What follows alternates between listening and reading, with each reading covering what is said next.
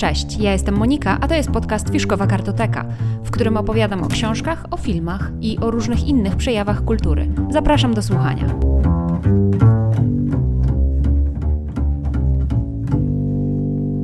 Cześć! Dzisiaj opowiem Wam o szachach, a inspiracją do tej opowieści o szachach będzie książka, którą skończyłam czytać w ostatnim tygodniu i była to książka Władimira Nabokowa zatytułowana Obrona Łużyna i jest to książka wydana w wydawnictwie WAB w 2021 roku w tłumaczeniu Eugenii Siemaszkiewicz.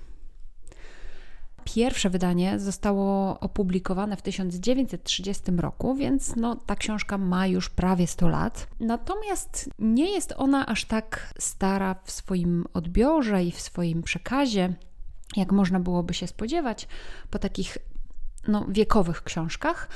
Muszę też przyznać, że bardzo nie utkwiła mi w pamięci i raczej w przyszłości nie będę jakoś szczególnie o niej pamiętać, chociaż czytała mi się bardzo dobrze.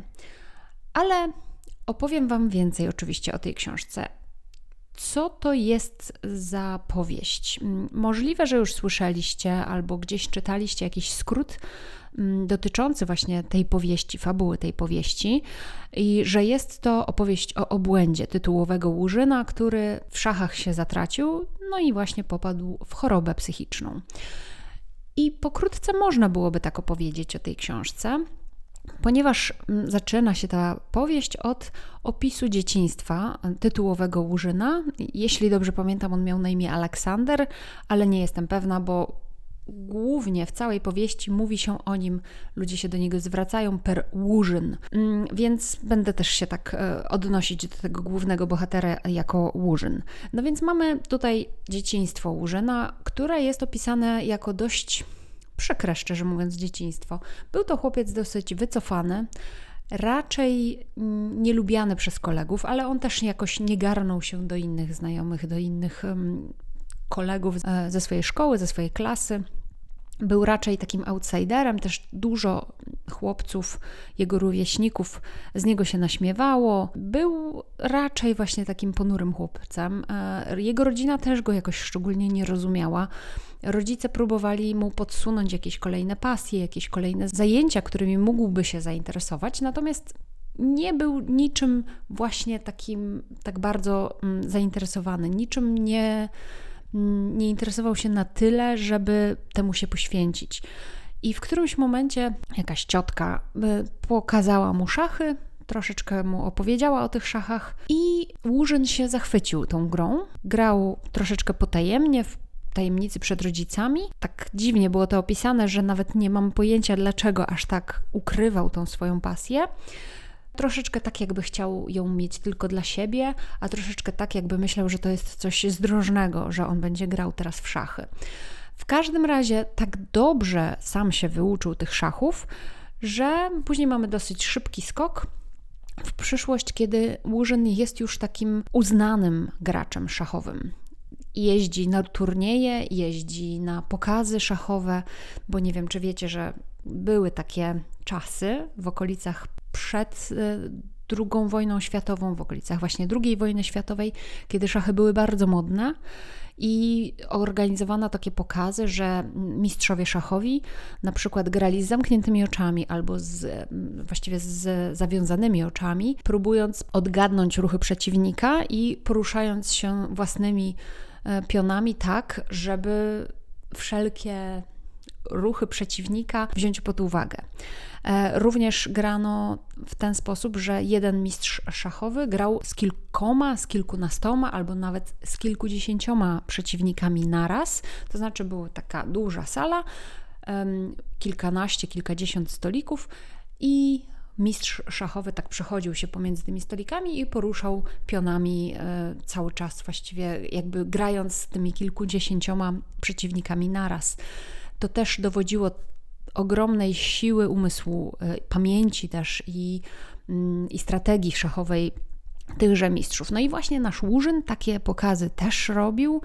Mm, szachy to było jego całe życie, aż w którymś momencie mm, to się stało zbyt dla niego obciążające. Popadł e, w swego rodzaju chorobę psychiczną, nie jest dokładnie opisane, co to miałaby być za choroba, ale on też postrzegał bardzo specyficznie rzeczywistość. Postrzegał ją jako jakieś takie przebłyski w tych swoich grach szachowych. Gdzieś tam coś mu się objawiało i, i okazywało się, że to były jakby takie przejawy prawdziwej, prawdziwego świata.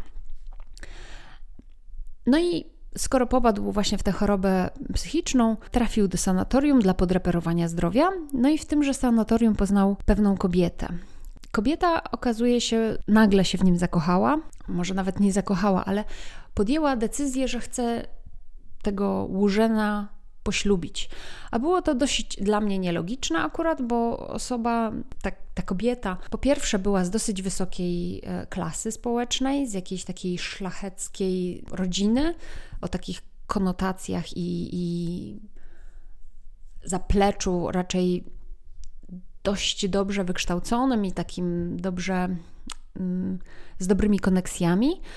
Natomiast Łużyn wręcz przeciwnie, raczej nie był z dobrej rodziny, nie był ani bogaty, ani nie miał prezencji. Jako mistrz szachowy dużo się nie ruszał, był właśnie otyły. No i w ogóle nie umiał się nawet ubrać, nie umiał się zaprezentować. No i przez to, że też interesował się wyłącznie szachami, nie można było z nim o niczym interesującym porozmawiać. Więc ta fascynacja tej kobiety Łużynem była dla mnie bardzo niezrozumiała. Tam było troszeczkę napomknięte o tym, że ona lubi się opiekować takimi pokrzywdzonymi istotami, jak zwierzątka jakieś, albo właśnie ludzie, którzy potrzebują pomocy, więc myślę, że to mogłoby być ewentualnie jakąś taką motywacją jej działań. Natomiast tutaj nie ma żadnej namiętności, nie ma miłości z żadnej strony według mnie. Łużyn jest po prostu zatopiony w szachach, a ona jakby sobie wyznaczyła takie zadanie poślubienia Łużyna wbrew swoim rodzicom i do tego konsekwentnie dąży. I, I tutaj ten związek jest tak pokazany dosyć mechanicznie. Dochodzi do zaręczyn, młodzi ludzie spotykają się ze sobą coraz częściej, natomiast Łużyn cały czas gra, no i podczas pewnego turnieju obmyśla jakąś tam konkretną strategię przeciwko swojemu długiemu już e, przeciwnikowi, Włochowi Turatiemu, jeśli dobrze pamiętam. No i ta obrona, ten, te, ta strategia niestety została przełamana przez tego przeciwnika szachowego, no i Łużyn się mocno załamał. Popadł w ogromne problemy, takie właśnie psychiczne, e, ale miało to również wpływ na jego fizyczne zdrowie. Wobec tego znowu trafił do szpitala, ale ta jego narzeczona mocno się o niego troszczyła, aż ostatecznie, kiedy już wyszedł ze szpitala Łużyn, um, ograniczała jego kontakt z szachami w każdy możliwy sposób. Niemalże Łużyn był po prostu pozbawiony dostępu do szachów, nie mógł grać, nie można było o nim, z nim o nich rozmawiać. Gazety dostawał takie, żeby było jak najmniej informacji o szachach. Nawet ta y, narzeczona rozważała, czy nie wycinać takich y, stron, czy też y, fragmentów tych gazet, w których były zamieszczane takie relacje z turniejów szachowych. Ale chyba ostatecznie do tego nie doszło. No w każdym razie bardzo ograniczano Łużynowi kontakt z szachami, no i on sukcesywnie zdrowiał e, psychicznie i, i, i, też fizycznie. Acz cały czas był taki pochłonięty przez e, swoje wnętrze, przez swoją świadomość, także na zewnątrz nie był jakoś bardzo towarzyski, nie był osobą, z którą można właśnie interesująco porozmawiać na jakikolwiek temat. Wręcz przeciwnie, był bardzo taką trudną osobą. Rodzice na przykład tej narzeczonej jakoś szczególnie go nie lubili, a nawet w ogóle go nie lubili, wręcz odradzali tej swojej córce mm, za mąż pójście.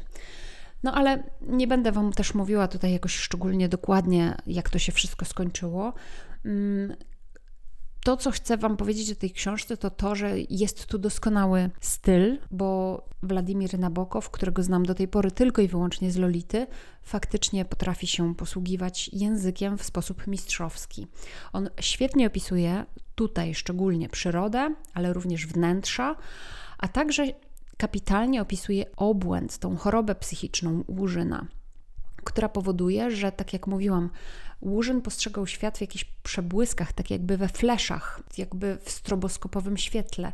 Do niego docierały jakieś tylko takie fragmenty rzeczywistości, i to było kapitalnie opisane. I uważam, że tutaj język Nabokowa doskonale się nadał do tego opisu. Jednak poza tym językiem ja nie widzę tutaj jakiejś szczególnej wagi tej książki, i dlatego mi się wydaje, że bardzo jej nie zapamiętam, nie utkwi ona w mojej pamięci na dłużej, raczej nie będę o niej myśleć e, dłużej niż, niż e, nagranie tego podcastu. Mało jest tutaj też szachów, co z jednej strony może być minusem, bo jeżeli ktoś się spodziewał właśnie opisów rozgrywek szachowych, no to tutaj tego nie znajdzie, ale może być to też zaletą, ponieważ są osoby, które nie lubią szachów albo nie rozumieją szachów, nie umieją w nie grać i trochę boją się sięgnąć po tę książkę, że właśnie będzie to zbyt skomplikowana książka dla nich i że będzie tutaj dużo opisów rozgrywek szachowych. Od razu uspokajam, nie, nie ma tutaj opisów gry, a w każdym razie nie ma ich zbyt wiele. I tę książkę polecam właściwie wszystkim, szczególnie tym, którzy lubią się rozsmakować w dobrym stylu autora. O książce to tyle, natomiast na, a propos szachów, to akurat w tym samym czasie, kiedy ja kończyłam czytać Obronę Łużyna, w Polsce rozgrywało się, w Polsce w Warszawie, w Muzeum Historii Żydów Polskich e, Polin, odbywał się turniej szachowy Superbet Rapid and Blitz Poland, w którym Jan Krzysztof Duda, nasz polski szachista, Mm, grał o obronę swojego tytułu z ubiegłego roku, obronę tytułu mistrzowskiego i było to niezwykle fascynujące obserwować rozgrywki, acz muszę przyznać, że nie oglądałam jakoś szczególnie każdego meczu, ani żadnego meczu tak naprawdę nie obejrzałam od A do Z, ale faktycznie z ciekawością śledziłam wyniki tych rozgrywek. No i niestety ostatniego dnia rozstrzygnięty mecz e, przechylił szale zwycięstwa na rzecz Magnusa Carlsena i ten o jeden punkt zwyciężył z naszym polskim szachistą zajmując pierwsze miejsce. Także Jan Krzysztof Duda zajął drugie miejsce i w przyszłym roku to, to Magnus Carlsen będzie bronił tytułu. Natomiast zawsze bardzo kibicuję polskim szachistom. Dobrze jest wiedzieć, że nie jesteśmy w jakimś ogonie, tylko właśnie walczymy tutaj o mistrzostwo. To jest naprawdę niesamowite.